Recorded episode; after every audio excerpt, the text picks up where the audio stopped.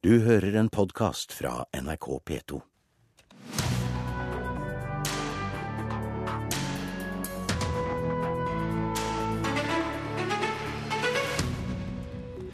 Filmdistributørene gjør filmene unødvendig dyre. Prisen for å se film må ned, sier profilerte norske regissører.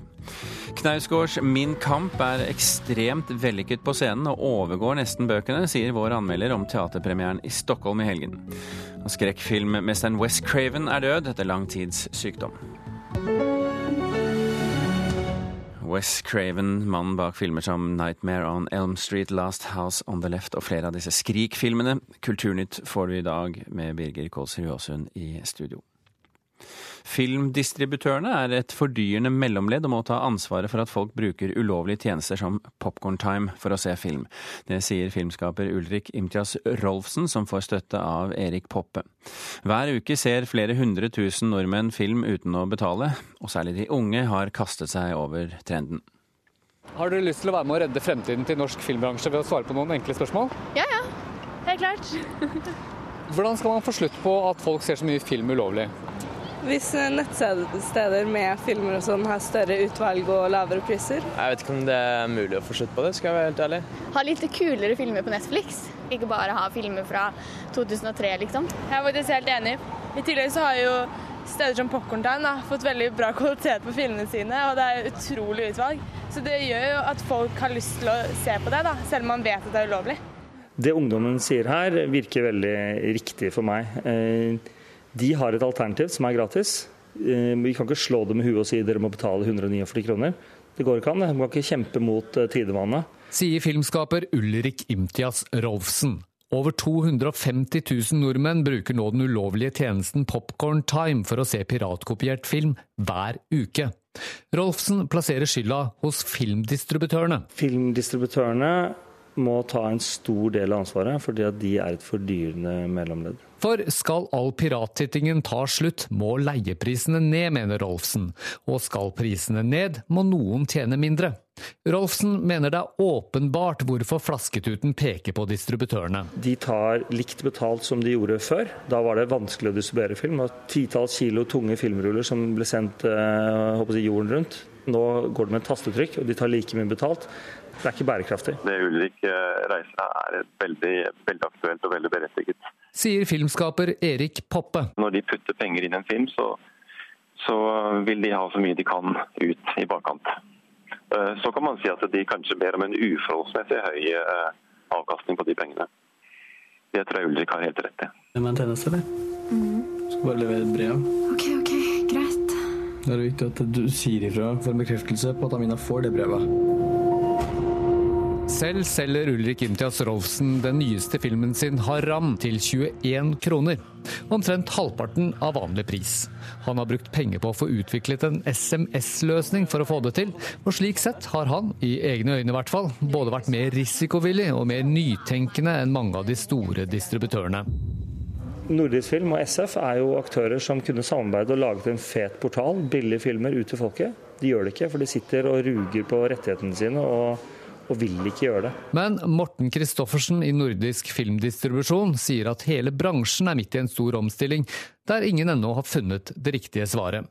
Han går ikke uten videre med på at de har hatt bremsene på. Nei, men det er et, det er et stort marked, og det er klart sånne skifter som dette, så tar det, det tar tid. Det er ikke noe tvil om det. Kristoffersen vil ikke kommentere hvorvidt nordisk filmdistribusjon tar for stor del av kaka, slik Rolfsen sier. Regnskapstallene viser likevel at fjoråret ble det beste året siden selskapet ble etablert i 2008, med et overskudd på mer enn 37 millioner kroner. Vi har jo et, et drastisk fall i, i fysisk, eh, fysisk, salg. Og, og, så, det, så, det, er klart vi må finne nye løsninger, men det jobbes det på. Reporter her, det var eh, Petter Sommer. Countrymanager manager Bente Hagen Stokke i SF Norge sier tiden som går fra en film tas av på kino til det er mulig å leie eller kjøpe, er viktigere årsak til piratvirksomhet enn prisen. Så Det som gjelder i forhold til ulovlig nedlastning, så er det jo også en stor diskusjon som pågår rundt vinduspolitikken. Det at filmene ikke er tilgjengelige etter kino, eller at de er tatt av kinoene. I tillegg så er det jo en del markedsundersøkelser som går nettopp i forhold til piracy, som vi snakker om her. Og i stor grad så, så, sier de at selve prispunktene ikke er så sensitive i forhold til ulovlig nedlastning. jeg vil jo påstå at vår del av kaken ikke er direkte skyld i dette her. Ja, Det sa altså country manager Bente Hagen Stokke i SF Norge. Vibeke Skistad, daglig leder i Euforia Film, som altså står bak litt mindre filmer som 'Svenskejævel', 'Brødre' og, og, og 1001 ganger god natt', filmen til Erik Poppe som vi hørte her. Velkommen til Kulturnytt. Takk. Prisene må ned for å stanse piratkopiering, sier Rolfsen her. Kan du selge film for 21 kroner? Klart man kan, og det gjøres jo allerede. Det nye her, det som er annerledes med Imtias Rolfsen, er at det er ny film. Men filmer koster jo helt ned i 19 kroner allerede. Men vi snakker om de nye filmene først og fremst. Ja, og da tenker jeg at eh, man ikke må generalisere. Det er veldig stor forskjell på filmer. Noen er billige, eh, og man gjør alt sjøl, sånn som Imtias Rolfsen gjør. Han er distributør, produsent og regissør. Ikke så mange å fordele kronene på. Mens andre filmer er kjempedyre, har tatt mange år å lage, og det er veldig mange som skal ha en del av kaka. Så det blir jo rart hvis eh, dyre filmer som Kon-Tiki eller Bølgen skulle koste 20 kroner rett etter at vi var ferdig på kino. Man må også stille spørsmålstegn med da hvordan man skal opprettholde kinopublikummets kanskje 120 kroner. Hva slags rolle har egentlig distributørene nå som det meste begynner å bli enkelt og digitalt? Det er todelt. På en måte er det enklere nå eh, enn tidligere fordi det er denne digitaliseringa har gjort det enklere. Som han sier at det er ikke fysisk forsendelse lenger, f.eks. Men distribusjon er så mye mer enn det. Vi liker å tro at det er et ord som heter kompetanse her. Som vi gjerne besitter. Hva er kompetansen, da? I forhold til å, å, kjenne markedet, kjenne alle plattformer. Det er både kino, det er fremdeles litt DVD, eh, det er, det er VOD og det er TV. Det er fryktelig mange å forholde seg til. Det er veldig mange forskjellige måter å distribuere film på. VOD, altså video, ja, on, video demand. on demand. Mm. At man velger selv hva man vil se hjemme på TV-boksen eller på, på internett. Det er presse, det er markedsføring og det er kontakt med alle disse partene. Så vi tenker jo at eh, det er et godt eh, bilde på det at det fremdeles er så fryktelig mange som søker til distributørene og ønsker distributører. Men hvis man får det til sjøl eh, og gjør det like bra sjøl, eller har lyst til det, så er det fritt fram for det. Det men, gjøres. Men vi hører jo her at inntjeningen fremdeles er ganske bra i distribusjonsleddet. Ehm, samtidig som eh, stadig flere unge går over på ulovlig virksomhet ved å bruke Popcorn Time f.eks. Føler du som distributør at du har et ansvar her? Alle har et ansvar. for man skal, man skal, både nå ut til flest mulig, og så skal man dele kaka. Men det er ikke Det er stor forskjell på Imtias Rolfsens publikum, som er et ungt publikum. De som ikke hører på dette radioprogrammet, i hvert fall. Som har også et helt annet økonomisk Det er et helt annet økonomisk bilde enn Poppes publikum, som virkelig har råd til å betale 49 eller 59 eller 109 for filmene. Så jeg tror at den kaka Jeg kan bare snakke for for Euforia, som er en, en liten uavhengig distributør. Vi, vi kjemper jo grunn nå for å overleve eh, fra film til film og fra år til år med et, med et utfordrende kinomarked og veldig fallende DVD-salg, som alle kjenner til. For oss er det en kamp, og vi har ennå ikke møtt produsenter som syns at vi tar en urimelig del av kaka. Det er jo også forhandlings, et forhandlingsspørsmål her, men foreløpig så er det eh, for meg ikke, ikke, et, ikke, et, problem. Jeg gleder meg til den dagen vi, vi kan sitte med så mye penger at vi ikke veit hva vi skal gjøre med den køtten. Jeg får håpe at den dagen kommer. Vibeke Skistad, tusen hjertelig takk for at du kom til Kulturnytt.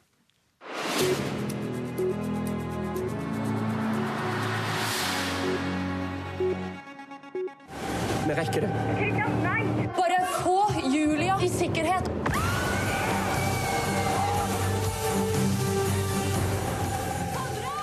Den norske katastrofefilmen 'Bølgen' har hatt en bra eh, kinoåpning. Minst 131 billetter ble solgt i helgen, rapporterer bransjeforeningen Film og Kino. 131 000 skal det selvfølgelig være. Totalbesøket er ventet å øke utover dagen når flere kinoer melder inn sine tall, men åpningshelgen plasserer filmen blant de aller beste for en norsk kinofilm i moderne tid, sammen med Kon-Tiki, Max Manus og Jul i Flåklypa. Dessuten, etter bare én helg på kino, er Bølgen allerede årets mest besøkte norske kinofilm.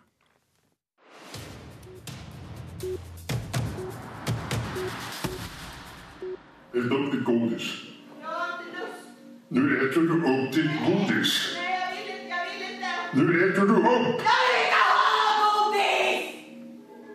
Svenskene har kommet oss i forkjøpet, og i helgen var det premiere på Min kamp av Karl Ove Knausgård på Stadsteateren i Stockholm.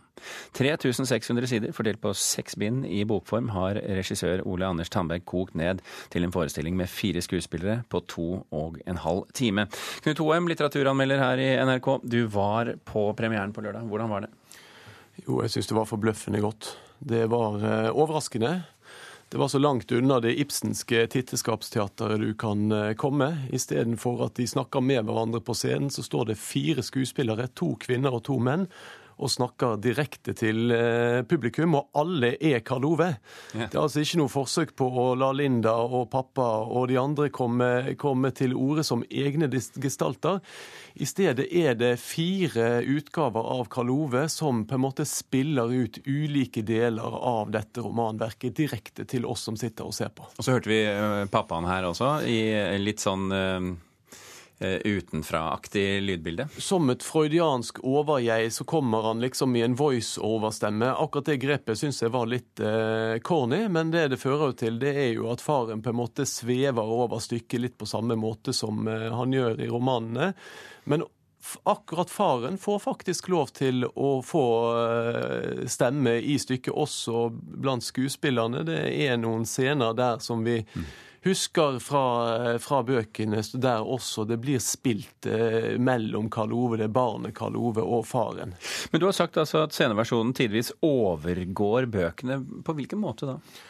Det er dette grepet som jo eh, Knausgårds eh, forbilde Peter Hanke tok i, bruk i 1970 da han lagde stykket Publikumsutskjelling. Altså dette at man ikke forsøker å lage ibsensk teater, men man bare lar skuespillerne snakke direkte til publikum, som er så effektivt. Men hvilken kvalitet er det det har? Den kvaliteten det får, er jo at Uh, Tandberg ikke forsøker å lage noe teater, annet teater enn enn det som, uh, som på en måte romanene gir mulighet til. Og det er jo en bevissthetsdrøm, denne her. Det er Karl Ove som på en måte er hele verket. Og så gir for det utrolig mye morsomt eh, eh, eh, å si at han har valgt to kvinner og to menn, som alle er Karl Ove. Det betyr f.eks. at når du har disse her onaniscenene, alle disse pubertetsscenene i, eh, i romanene, så kan du selvfølgelig la en kvinne eh, gestalte det på scenen. Og da kan jo bare lytterne tenke seg hvordan det foregår i praksis. Men det er jo en nesten overkommelig ting som ligger til grunn her, nemlig at man har eh, redusert eh, eh, 3600 sider til 2 12 time. Ja, men, men, men romanene er litt for pratsomme. Det er litt for mange ord. Og det er akkurat som om Tandberg også har valgt det som de scenene som er de aller vakreste. De bildene mer enn dialogene. Altså der hvor f.eks. når bakterier flommer rundt i kroppen på et døende menneske, eller hvordan vi på en måte stadig vekk iscenesetter oss sjøl for, å- for istedenfor å framtre som sanne mennesker. Altså Der Knausgård reflekterer i romanene, det er det Tamberg har valgt. Mer enn de evinnelige telefonsamtalene mellom Karl Ove og hans beste venn, f.eks. Så det er dette her radikale grepet i retning taleteater som er så ekstremt vellykket. Og så er det ekstremt vellykket å få fire ironiske urbanister fra Stockholm til å gestalte verket til en taus og traumatisert mann fra Vestlandet. Veldig kort. Her i Norge har man gitt opp å få Min kamp til scenen. Er det noen som bør ta en telefon til Tandberg nå? Absolutt. Det er jo eh, et ekstremt vellykket svensk-norsk samarbeid eh, med Tandberg og eh, scenograf Birkeland på en svensk scene, så dette bør jo egentlig bare oversettes direkte og settes opp en norsk scene. Knut Hoem, takk for at du kom til Kulturnytt. Klokken er passert eh, 17 minutter over åtte. Du hører på Kulturnytt, og dette er toppsakene i Nyhetsmorgen nå. Friluftsområdene rundt storbyene er under press. Halvparten av oss vil bevare markagrensen slik de er, men den andre halvparten syns det er greit å flytte litt på det. Busselskapene vil at staten skal betale for rabatt til barn og eldre, slik NSB får. Nå truer busselskapene med rettssak dersom de ikke får det som de vil. Og i Østerrikes hovedstad Wien arrangeres det i dag minnegudstjeneste for de 71 flyktningene som døde innesperret i en lastebil før helgen.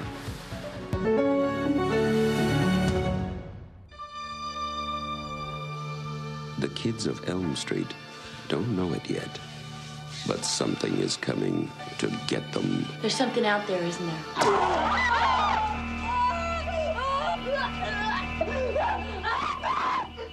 Dette er lyd fra den legendariske skrekkfilmen 'Nightmare on Elm Street', regissert av skrekkfilmlegenden Wes Craven. Wes Craven som døde i natt. I tillegg til eh, denne filmen så var Craven også kjent for sine skrekkfilmparodier, disse Skrik-filmene som eh, mange har sett. Eh, Jon Selås, filmkritiker i VG. Skal vi snakke litt om 'Nightmare on, on Elm Street' først? Altså, Hvordan ble denne filmen mottatt da den kom?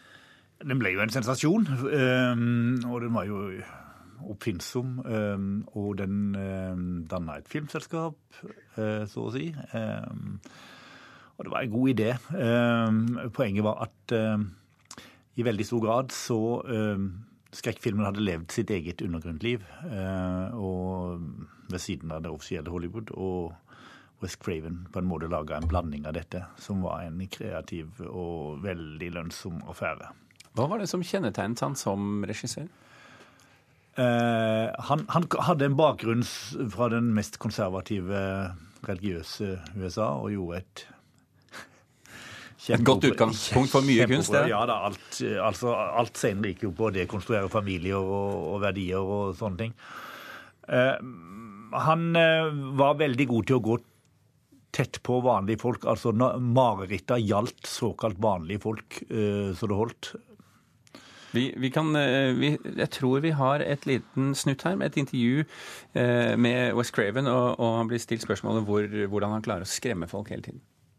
I don't know. You kind of have to know what the audience is thinking, you know, and know where their fears are. And I think the way you know that is you kind of are kind of like the audience. You know, I think I've always felt like what I'm afraid of is basically what the audience is afraid of. So you just talk about it.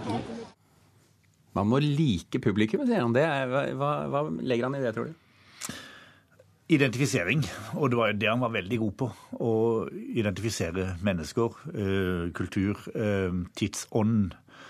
Og han, eh, ut fra hva han visste om det amerikanske samfunnet, så greide han å danne skole på forskjellige ting. Og denne uh, figuren fra Nightmare, Freddy, Kruger, Freddy Kruger. Ja, ha, har jo blitt en, et ikon. Uh, og det er vel også litt morsomt, fordi at han lagde jo disse parodifilmene, altså de som het Scream, uh, Skrik på norsk. Som kom 20 år etter M Street, ja. Ikke sant? Og, og, og det er jo morsomme filmer, på sett og vis. Ja da, hvis du ser på de, så er de, unnskyld uttrykket, jævlig nok. Eh, men han har alltid en edge på de. Eh, problemet er at det ble jo en veldig lang serie etter hvert, og du har jo bare så mange å myrde, ikke vel? Men han, oh, nei, han har en veldig Han har en veldig skarp vinkel, særlig mot samfunnet, og, og, derfor blir han på en måte litt samfunnskritisk. Og så greier han å le av seg sjøl òg, og det er alltid en innmari fordel. Eh, vi så jo også eh, Jon Selås han, han regisserte jo en av disse novellefilmene i denne filmen som het eh, Paris Je t'aime. Ja. Eh, som var filmer, en novellefilm fra hvert arrondissement. Eh, viste jo en helt annen følsom side ved ham, en sånn kjærlighetshungrig følelse. Ja, han lagde jo en vidunderlig flott musikkfilm med Meryl Streep i hovedrollen. Eh, han, han, var jo selvfølgelig altså du, du, må være ganske følsom for å være så ufølsom på film. Og han var jo en amatørornitolog av ganske Altså se West Craven sitte og titte på fugler, det er ikke så tenkbart. Men han var jo en veldig Han var en eh, overgangsfigur mellom forskjellige kulturer. Han lagde mainstream av skrekk, og han Eh, som menneske så er han relativt interessant fordi at han har så mange sider og reflekterte så mange sider. Så han skal ikke bare bli minnet for skrekk i dag, altså. Vi får benytte anledningen, eh, Jon Selås, til å, å, lese oss opp om han og se litt filmer eh, igjen. Uansett, tusen hjertelig takk for at du kom til Kulturnytt.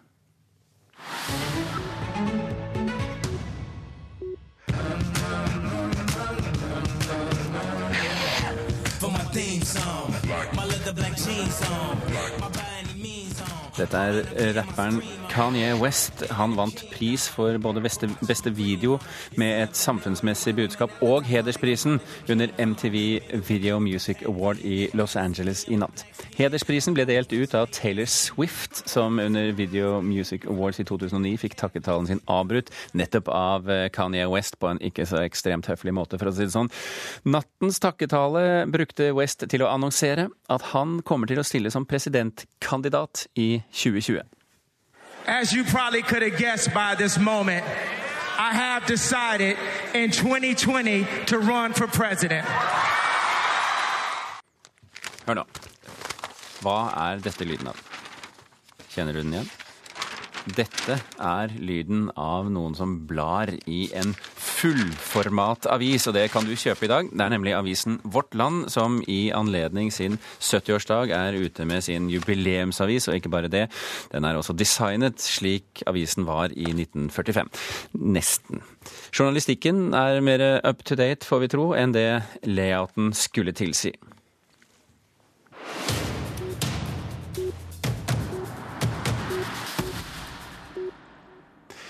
I helgen åpnet LIAF, altså Lofoten International Art Festival, for 14. gang. En festival som ikke er bundet til noe fast visningssted, men arrangeres eh, hver gang på ulike steder i Lofoten, og i år Svolvær. Festivalen trekker besøkende fra inn- og utland, og både scenekritiker og kunstkritiker fra NRK lot seg trekke opp til Lofoten og Kunstfestivalen. Og vi kan begynne med deg, Mona Pale Bjerke, eh, kunstkritiker her i NRK. Hva er årets tema? Ja, altså Tittelen er 'Disappearing Acts', altså forsvinningsnummeret. Og selv etter å ha lest katalogtekst og også intervjuet kurator, så har jeg veldig vanskelig for å få ordentlig grep om hva slags tematikk dette er. Så det er Det har forsvunnet vakt. litt for deg, sier du? Ja, det har rett og slett forsvunnet. ja. Tror du det var meningen? Nei, jeg tror kanskje egentlig man har Ja, altså, det er veldig uklart, så jeg vet da jeg vet da søren. Eh, Dette er jo en samtidskunstfestival, Karen Frøsland Nystøl, Mm. eh, vår scenekritiker. Hva er det som brakte deg til Svolvær? Det var performance-programmet for uh, LIAF, som vi har kalt denne festivalen.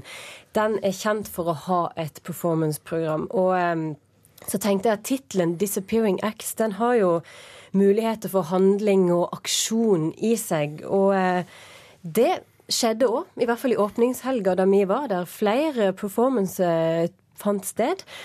Og altså, performance er jo ikke teater, så jeg kan jo ikke gå inn som teaterkritiker og sånn, men eh, det er ikke alltid Det er scenekunst, da, på sett og vis. Ja, det er scenekunst, og det er ikke alltid så langt unna teater allikevel. Men forsvant det for deg på samme måte som for Mona? Altså, Tematikken den forsvant for meg ganske fort, for den, den manifesterer seg ikke så konkret i det, i det vi får se, egentlig. og Jeg finner lite gjenklang i det i de performancene jeg så.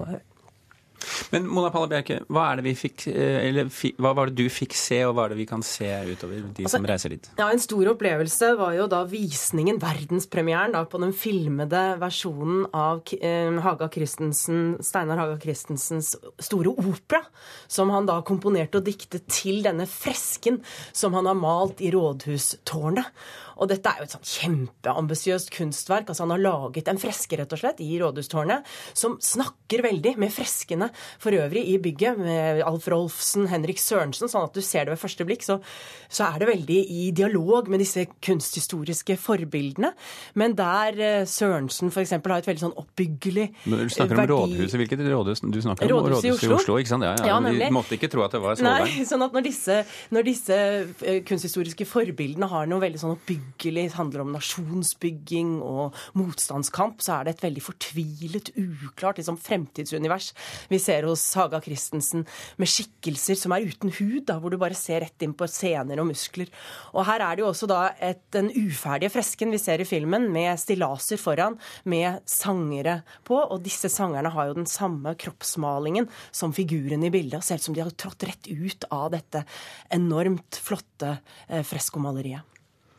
Hadde du noe tilsvarende og sterke opplevelser, Karen? Ja, jeg vil gjerne også si litt om den operaen som Mona snakker om av Steinar Haga Christensen. For den handler jo om eh, kunstnerens tvil og kamp, som, som fresker gjør, og som mye kunst gjør, også oppe på Liaf. Og her eh, møter kunstneren, som da synges av Nils Harald Sødal, sine demoner. Og i librettoen så sier de 'male, male, hva skal jeg male'? Desperasjon, desperasjon. Og så er det noen demoner der som sier at 'du mislykkes, du mislykkes'. Mm. Og så er handlinga en sånn kamp og et møte mellom kunstneren og hans demoner. Så kommer de til enighet. Eh, rådhustårnet fylles av tåke, og så fortsetter de malinga. Men det er veldig flott altså med opera og rådhusklokke samtidig. Det er ordentlig sterkt lydmessig. Men, men dette er noe man kan kjenne seg igjen i. Alle har jo en liten uh, engel og en liten djevel på skuldrene, og den djevelen sier jo det, du mislykkes hele tiden. Mm. Er, det, er, dette et, en festival, slik dere har opplevd den så langt, som, som er lett tilgjengelig for folk? Altså, dette er jo en festival som, eh, som, kanskje er litt lukket om seg selv. Eh, det er, det er, man opplever ikke at folk ute i gatene er uh, veldig bevisst på at det foregår en internasjonal kunstfestival i, på stedet.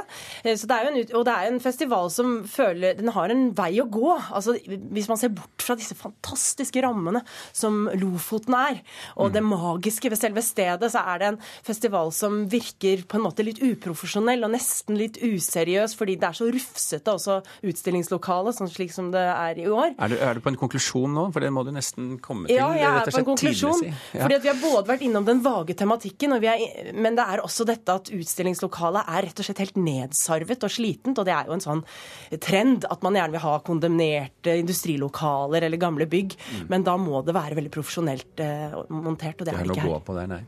Jeg syns at eh, performanceprogrammet var ganske forutsigbart, og en del av handlingene i det lite motivert. Og så spør jeg, kjære Liaf, får publikum der ute oppleve disse performancene, eller er det bare vi kritikere på åpningshelga? Det er jeg usikker på. Det har vi ikke noe godt svar på foreløpig. Kanskje vi skal eh, ringe Liaf og eh, høre med dem etter hvert. Det får bli senere. Kulturnytt er slutt. Karen Frøsland Nystøl og Mona Palle Bjerke, takk for at dere kom til oss i dag. Beate Haugtrø, Gjermund Jappé og Birger Kolsrud Jåsund pakker snippesken og forsvinner.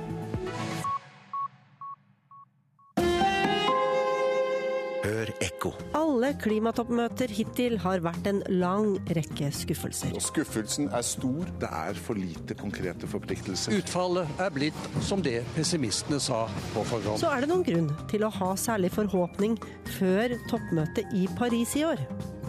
Hør forskeren, klimajournalisten og aktivisten i Ekko. Ekko 9 11 i NRK P2.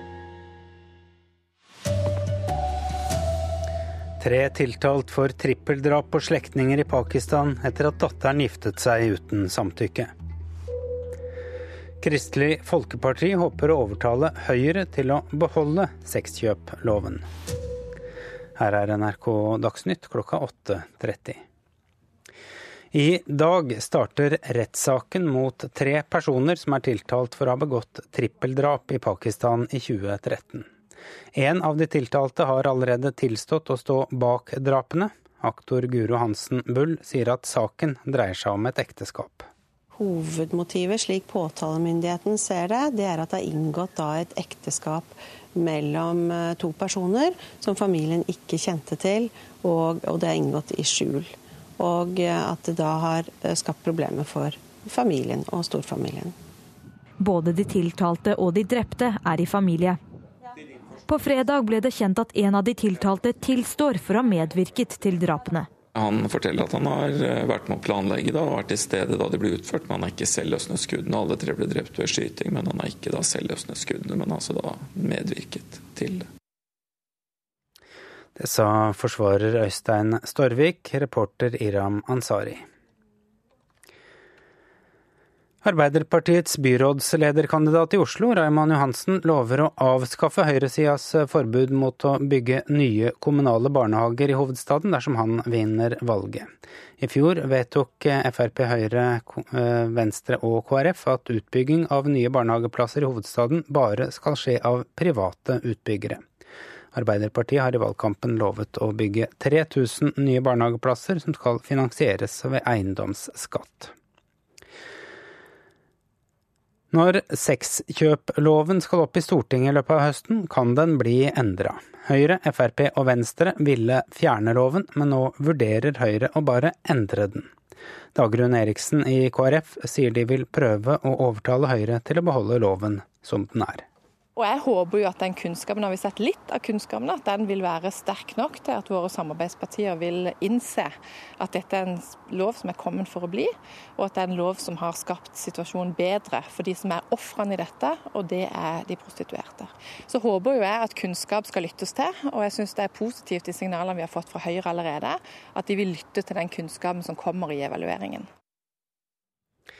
Den norsk-russiske konsertpianisten Natalia Streltsjenko ehm, ble funnet hardt skadd i et hus utenfor Manchester natt til søndag, det melder TV 2. Hun døde kort tid etter av skadene. En 48 år gammel mann er pågrepet og mistenkt for drap på småbarnsmoren. NRK Dagsnytt, Arild Svalbjørg.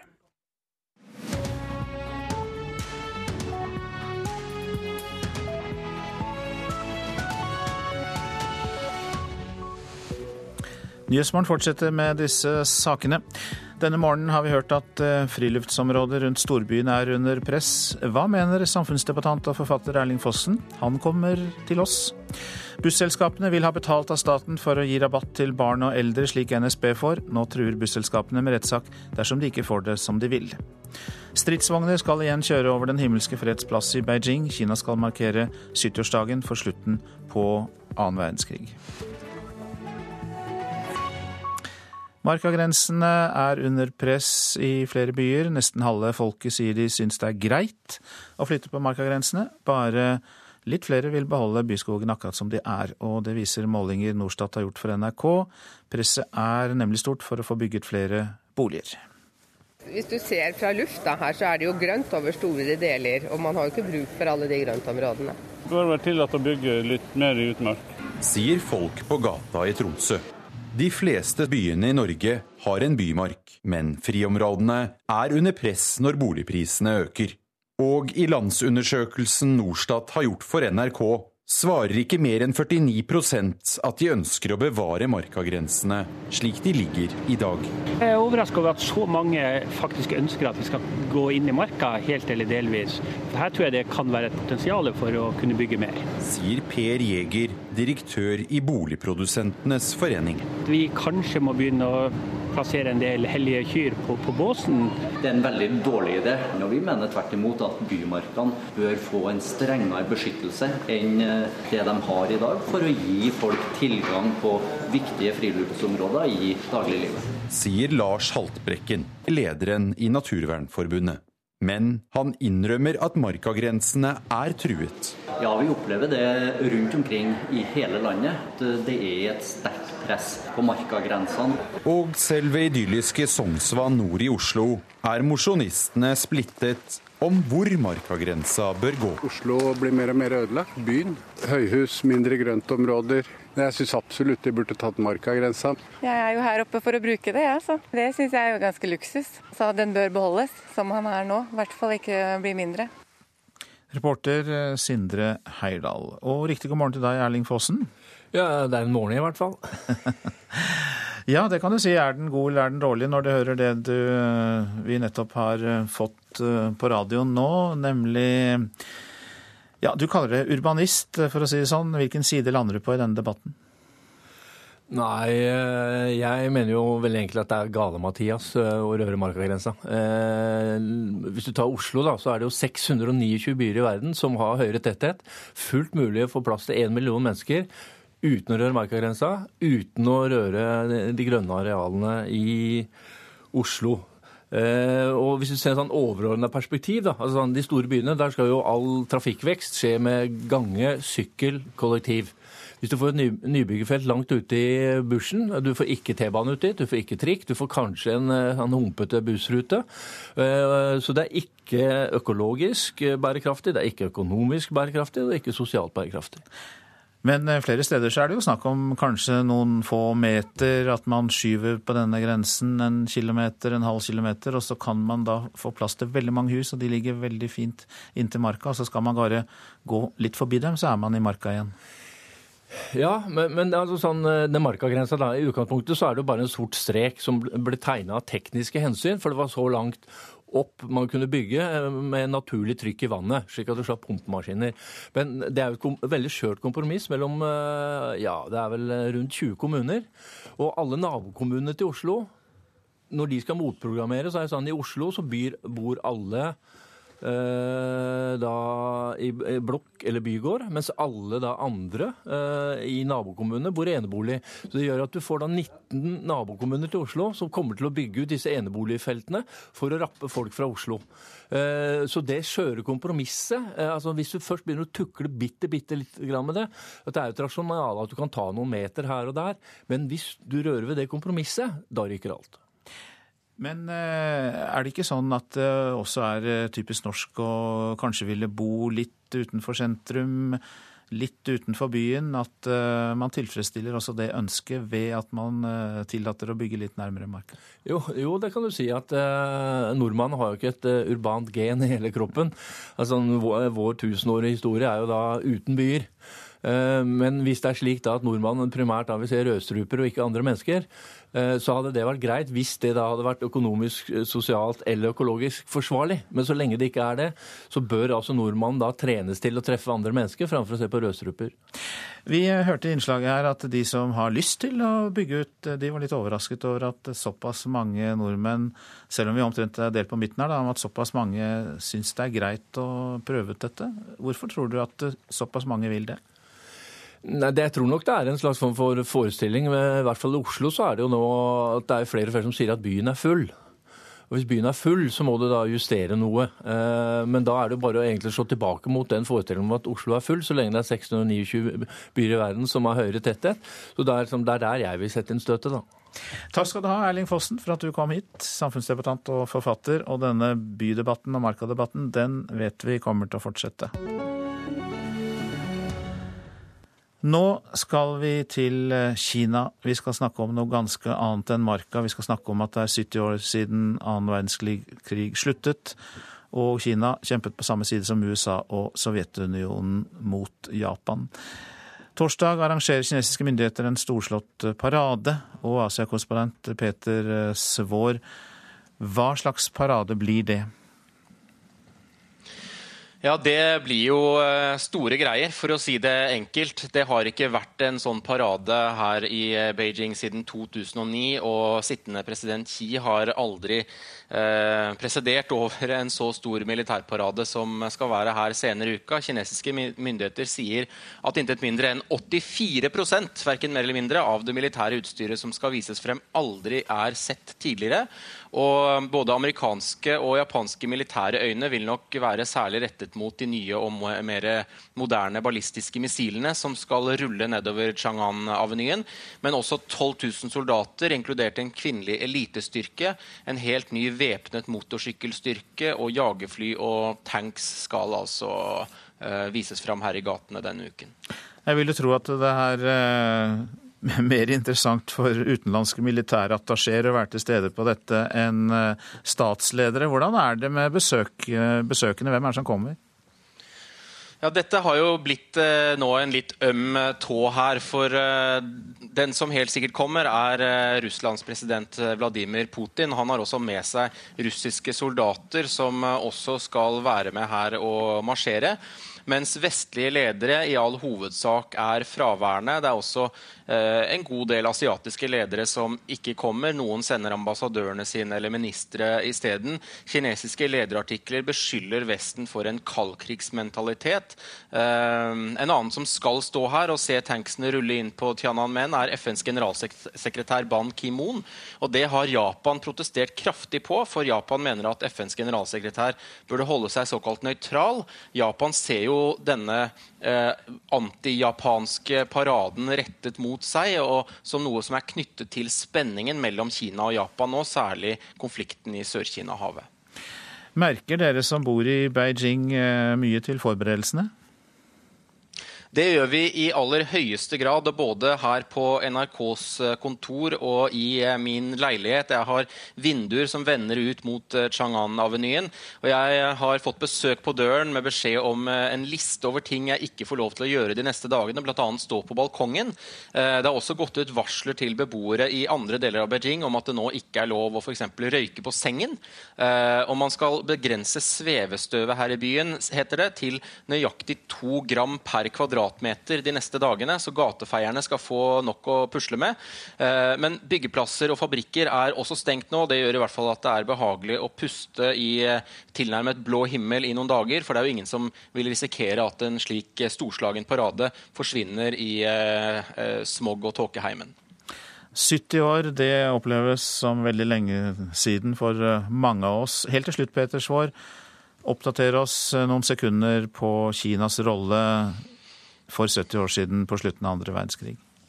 Ja, Det er jo også et spennende og omstridt spørsmål i et land som delvis skriver sin historie med blyant og ikke med penn.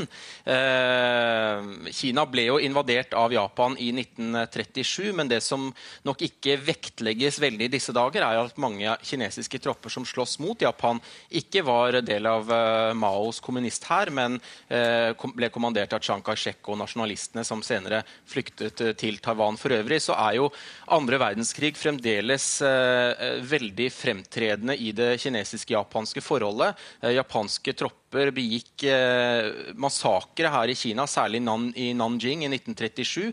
Og kineserne har, eh, mener at Japan aldri har bedt om unnskyldning for dette, slik Tyskland gjorde i Europa etter krigen. Og Japan har fortsatt å legge ned blomster på minnesmerker for falne japanske soldater. Så Kina eh, har lenge bedt Japan om å ta et oppgjør med sin rolle under andre verdenskrig.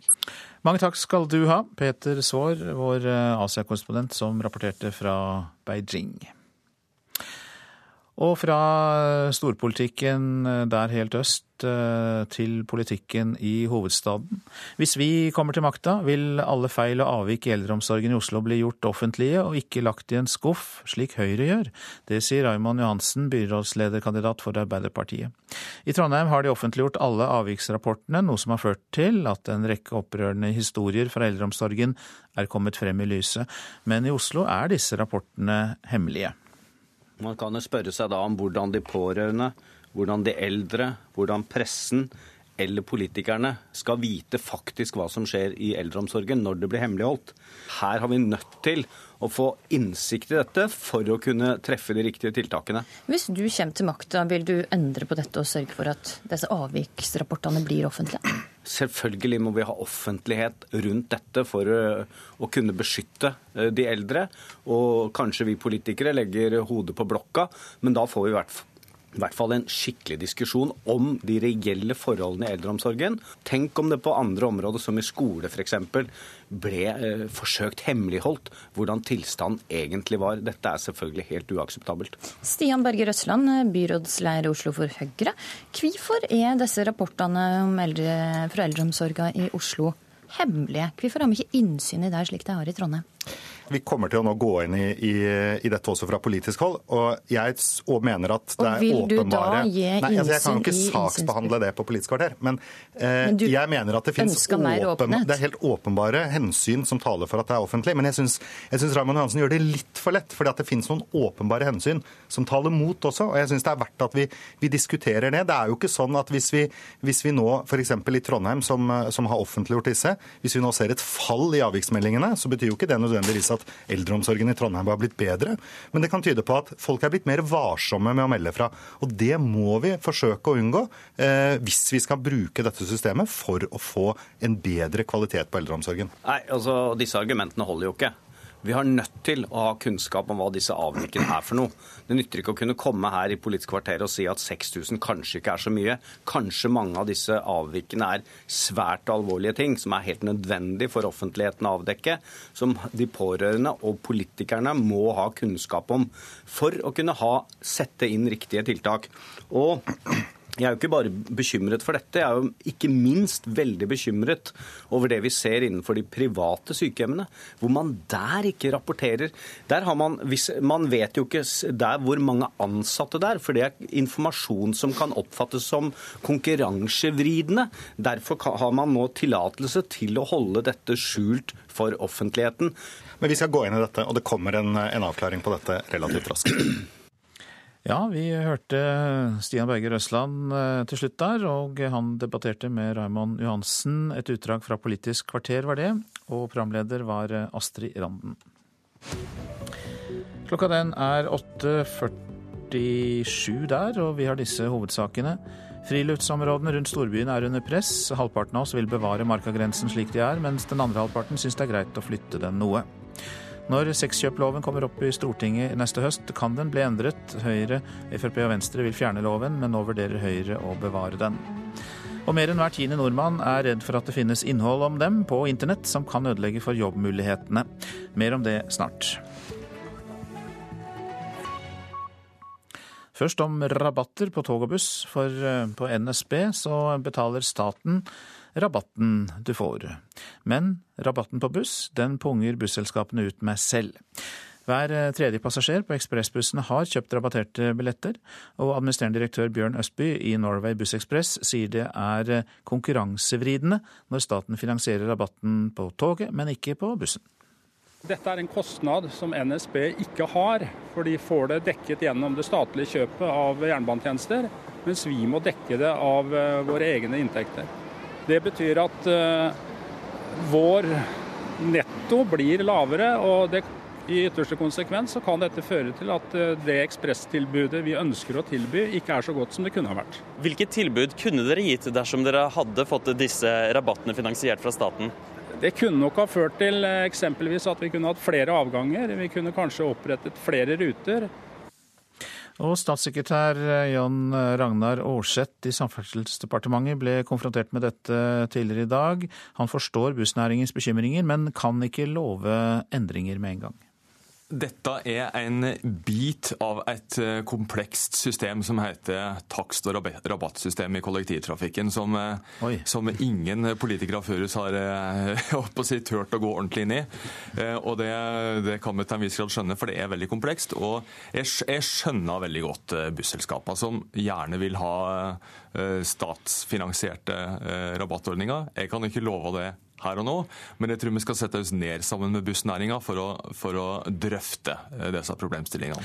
Ja, Vi som, vi som sitter utenfor, syns ikke det ser komplekst ut i det hele tatt. Altså, no, noen får Staten betaler for noen rabatter, andre får det ikke.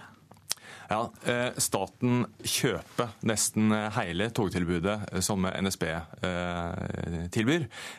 Busselskapene som vi hørte om her, de er helkommersielle og driver i et relativt uregulert marked helt på utsida. Så ber, ber en om statlige subsidier, og det er et ganske viktig prinsipp hvorvidt, ja, hvorvidt en skal gå inn på den type ordninger eller ikke. Eh, og Det vi har sagt eh, og vært veldig tydelige på, er at vi må ha en helhetlig gjennomgang av hele takst- og rabattsystemet i kollektivtrafikken. For det er andre ting som er mye mer komplisert enn dette. Eh, blant annet så har du jo helt ulike rabattordninger. altså Definisjonen av en ungdom f.eks. den er ulik i ulike deler av landet. Og rabatt for om du har, har med ski eller sykkel eller ja, den slags ting det har òg helt ulike definisjoner rundt i landet. Og Dette er ting vi må rydde opp i, og den problemstillinga bussnæringa tok opp her, er en del av bildet. Denne helhetlige gjennomgangen, som han sa, ble altså varslet av statssekretær John Ragnar Aarseth i Samferdselsdepartementet. Mer enn hver tiende nordmann er redd for at det finnes innhold om dem på internett som kan ødelegge for jobbmulighetene deres. Det er Dagbladet som skriver det i dag, og avisen viser til en fersk undersøkelse som analyseinstituttet Yougov har gjort for bemanningsselskapet Centric. Og her i studio har jeg fått besøk av daglig leder i HR Norge, Even Bolstad. God morgen til deg. God morgen, god morgen. Dere jobber bl.a. med rekruttering som fag. og Er det slik at eh, vi har grunn til å frykte det som kan ligge ute på nettet om oss? De aller, aller fleste av oss har veldig lite å skjule. Og det er eh, veldig få av oss som har ting på nettet som eh, egentlig kan tale mot deg. Men, men, det er det som gjøres i et øyeblikk, og som du kan komme til å angre på senere, det er det som jeg tror kanskje er det folk flest frykter. Hvor godt sitter det fast på nettet, det som kanskje har blitt lagt, i, lagt ut i et slikt ja, tilfeldig øyeblikk? Ja, det sitter. Eh, og blir du tagget, blir du eh, omtalt, så har du egentlig veldig liten eh, kontroll på veldig mye, særlig hvis du blir omtalt. Og, og de fleste av oss har gjort dumme ting. Mange av oss har blitt tatt bilde av når vi har gjort dumme ting. Men det er på en måte det som har skjedd de siste 20 årene, hvor ting plutselig ligger på nett og blir liggende der. Det er det som har endret situasjonen for, for en sånn situasjon som når du faktisk er på jakt etter en jobb. Og arbeidsgiverne de eh, ser altså på nettet åpenbart. Eh, hva er det de er ute etter eh, å finne ut? Det som er problemet til en potensiell arbeidsgiver, en som sitter der og skal ansette et menneske, det er at han føler at han får vite veldig lite om vedkommende. Du kikker på en CV som er formet som et salgsdokument, og alt ser vakkert ut. Det er som å titte inn i et nøkkelhull for å finne ut hva som ligger i rommet innenfor. Og det som man ofte sitter med som rekrutterer, det er at man er redd for risiko. Eh, man er redd for mennesker som eh, f.eks. har et verdisyn som overhodet ikke passer inn i virksomheten. Du, rasisme er trukket frem som et eh, tema som folk veldig ofte setter strek over kandidater, hvis de kan koble noe til der. Politiske ytringer på det ytterste ytterste. Det er den type ting som, som gjør at arbeidsledere sier at nja, det kan være noe med vedkommende. La oss kikke på neste kandidat i stedet, for det er faktisk et sikrere kort. Men det er jo ytringsfrihet i landet tross alt. Gjør ikke dette her eh, nett oss mindre tolerante, da? Jo, det er et kjempeproblem. Det er flere problemer med dette. For det første så er det det du sier at eh, det kan hemme debatt. Eh, det andre det er det at hvis noe ligger utom deg, så kan du faktisk komme i en situasjon hvor du ikke får gitt tilsvar. Altså Du blir skrinet bort, som det heter. Altså Du blir tatt ut av bunken eh, før du får muligheten til å si at dette her var noe tull som jeg ikke innestår for, eller noen har gjort om meg. Og det tredje, Et tredje problem det er det at den som sitter og rekrutterer, kan ha lest dette på forhånd og har dannet seg et bilde av hvordan vedkommende er. Og alle inntrykk som senere kommer i løpet av et intervju, det blir fortolket til dette. Man starter med et bias, som det heter. Dette er tankevekkende. Hjertelig takk skal du ha for at du kom til Nyhetsmorgen. Even Bolstad, som altså er daglig leder i HR eh, Norge, som bl.a. da jobber med rekruttering som fag. Barnehager, skoler og sykehjem kan på sikt bli rammet av den store økningen i Oslo kommunes pensjonskostnader, for pensjonene øker mer enn inntektene, noe som ikke er bærekraftig på sikt. Og den som sier det, er byrådsleder Stian Berger Røsland. Nei, vi opplever jo, som jeg tror de gjør i de fleste andre kommuner, at eh, utgiftene til eh, å dekke pensjoner eh, stiger hvert eneste år. Og de stiger nok mer enn de fleste andre kostnadene vi har, og de stiger også mer enn inntektene. Kommunenes pensjonsregning er mer enn doblet på ti år, skriver avisen Dagens Næringsliv. Og i hovedstaden konstaterer byrådsleder Stian Berger Røsland at pensjonsregningen tar mer og mer av kommunens inntekter. Pensjonskostnadene har økt fra 1,3 milliarder kroner til over 4 milliarder i løpet av de siste åtte årene. Uten en reform kan det gå utover tjenestetilbudet, mener han. Det betyr at eh, en stadig større del av kommunens eh, det som heter frie inntekter går til å dekke pensjonsutgifter. Eh, og over tid så kan man jo stille spørsmål om dagens pensjonsordning strengt tatt er bærekraftig, hvis man skal klare å bygge også ut og forbedre velferd over tid. Hva mener du med at den ikke er bærekraftig, kanskje? Det er jo mange som snakker om behovet for en eh, ny pensjonsreform også i offentlig sektor, og jeg syns tallene her illustrerer behovet for det også fremover.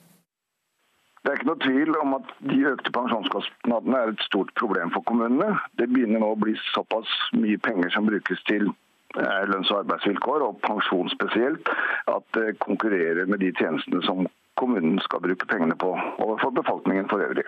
Sier Per Kristian Sunde, som er arbeidslivsdirektør i kommunenes organisasjon KS. På ti år er pensjonsforpliktelsene til ansatte i kommunesektoren mer enn doblet, fra 229 milliarder kroner til 507 milliarder kroner. Sundnes mener partene i arbeidslivet må finne en ny pensjonsmodell kommunene kan leve med. Ja, Vi må fortsette det arbeidet vi startet på i 2009 i offentlig sektor. Da kom privat sektor et stykke lenger enn oss. Vi må få en ordning som stimulerer til å stå lenger i arbeid i kommunesektoren nå. Det gjør ikke de ordningene vi har godt nok, de som vi har i dag. Og så må vi få mer forutsigbare eh, kostnader for kommunene. I dag så svinger de veldig, og det er veldig vanskelig å budsjettere. Så langt eh, KS oppfatning, og reporter her, det var eh, Hedvig Bjørgum. Statsmeteorolog Christian Gislefoss, velkommen. Takk, takk.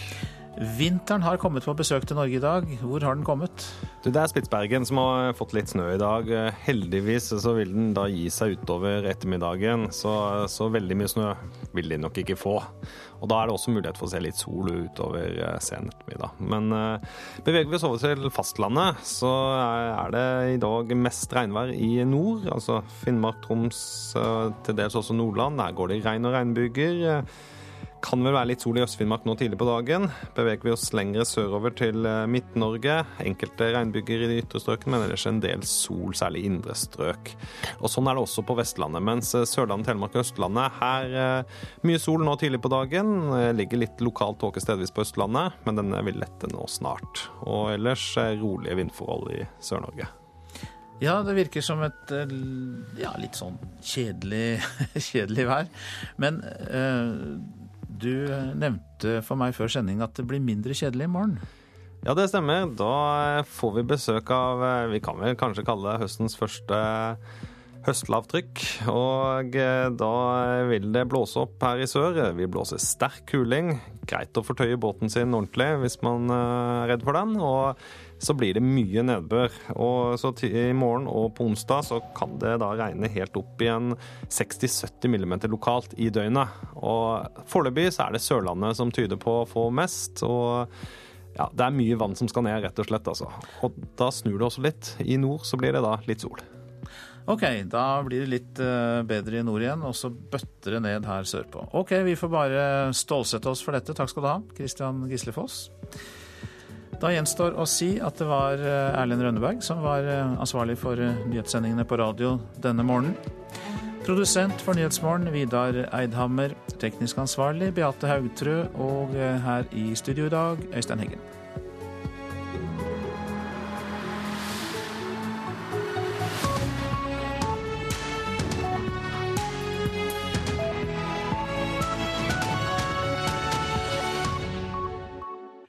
Har hørt en podkast fra NRK P2.